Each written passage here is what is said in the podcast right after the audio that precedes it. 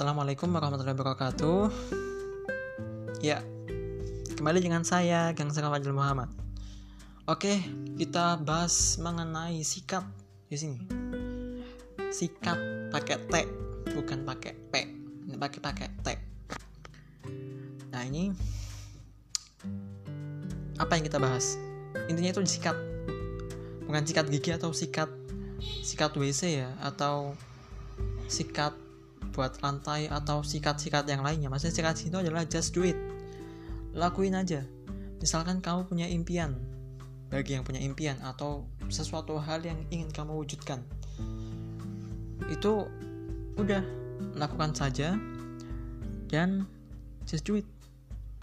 Nah uh, aku pernah aku ini apa melihat sebuah video video pengembangan diri juga sih dalam hal dunia psikologi. Tujuan hidup itu adalah suatu sebenarnya adalah suatu hal yang vital. Ini adalah suatu kebutuhan. Nah, dan kebutuhan ini sebenarnya kamu kamu bisa buat sendiri gitu. Tujuan hidup. Entah itu kamu apa pun terserah. Tujuan hidupmu terserah apa pun. Yang penting baik, yang penting positif. Ini gitu. Kalau tujuan untuk membantai orang ya repot nanti malah buat kekacauan di dunia ini ya. Ya kan? Tapi ada loh yang tujuannya itu terwujud walaupun niatnya jahat. Ya contohnya itu Adolf Hitler Adolf Hitler yang emang itu menciptakan perang dunia kedua ya. Dan banyak banget tokoh-tokoh yang pernah membantai dan segala macamnya itu.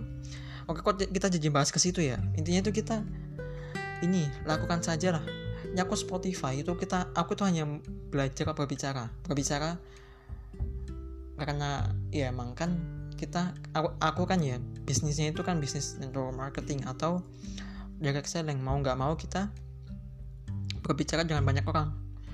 Berbicara dengan banyak calon pembeli. Nah itu ya udah. Ya ya gitulah intinya.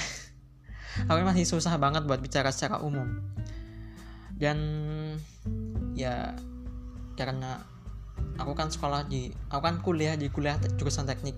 Dan kita banyak membahas hal-hal yang bersifat teknis namanya juga teknik. Bagaimana caranya melakukan ini bagaimana caranya melakukan itu. Dan dan gak ada kuliah yang membahas mengenai bagaimana berkomunikasi dengan baik. Dan itu pasti di luar di luar kekuliahan ya. Ya memang ada sih jejak jari bagaimana komunikasi kepada dosen yang baik atau kakak tingkat yang baik atau ke adik tingkat ya kan? Tapi nggak ada secara spesifik mengenai kuliah yang membahas bagaimana cara komunikasi yang baik. Ya ada sih mungkin di MKU itu bahasa Indonesia tapi nggak secara detail. Nah terus kita padahal komunikasi ini adalah hal yang krusial ya nggak? Ya nggak sih? Pasti sangat krusial berbicara ke orang lain. Kalau salah tangkap atau salah paham bisa saling bacok nggak? Ya, iya bisa. Atau ucapan itu menyakiti orang lain. Yang tadinya orang itu apa bisa memberikan sesuatu kira-kira kita salah ngomong kita nggak jadi dia itu nggak jadi ngasih sesuatu ke kita.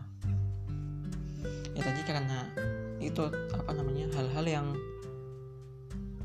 yang nggak serak intinya gitu. Dan emang ya aku lebih banyak berdiam diri dan menonton menonton orang kesuksesan orang lain gitu. Akhirnya aku malah ya ada sih ada sih pencapaian dalam hidup tapi nggak begitu signifikan. Itu karena kenapa? Ya, yang pertama itu tadi karena tujuan hidupnya nggak jelas. Emang iya aku mencoba banyak hal dan kemudian aku nggak melakukan banyak hal gitu. Nggak nggak ngapa-ngapain gitu. Contohnya itu pas waktu ya waktu kuliah itu melakukan organisasi itu aku ikut banyak banget. Dari rohis dari ekstra kampus politik uh, keilmiahan volunteer relawan wah pokoknya banyak banget delegasi ya segala macamnya. Itu aku ikutin semua dan aku melakukan semuanya. Dan kemudian setelah itu setelah selesai semester 6 eh semester 7 aku capek kan akhirnya kayak mahasiswa pengangguran gitu loh. Definisi pengangguran tuh ya kuliah terus habis itu nggak ngapa-ngapain gitu cuma mainan cari hiburan istilahnya kayak cari kebahagiaan gitu. Nonton anime lah nonton hal-hal yang ya seperti itulah. Tiktokan instagram scroll media berjam-jam dari pagi sampai sore sampai malam. Kayak gitu terus. Betapa nggak produktifnya gitu loh nah akhirnya kan kita coba dan apa sih hal-hal yang bisa dikembangin dari situ? Dari coba nonton Instagram aja atau cuma buka sosial media? Apa hal-hal atau ada, apakah ada skill yang bisa dikembangin dari situ? Mungkin pengetahuan iya tapi parahnya gitu kita malah membandingkan diri kita dengan orang lain. Betul apa betul?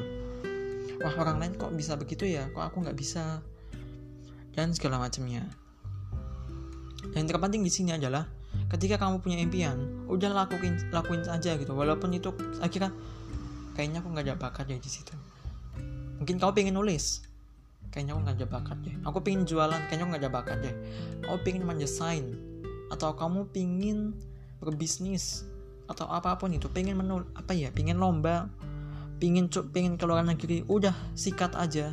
Sikat pakai T bukan pakai P.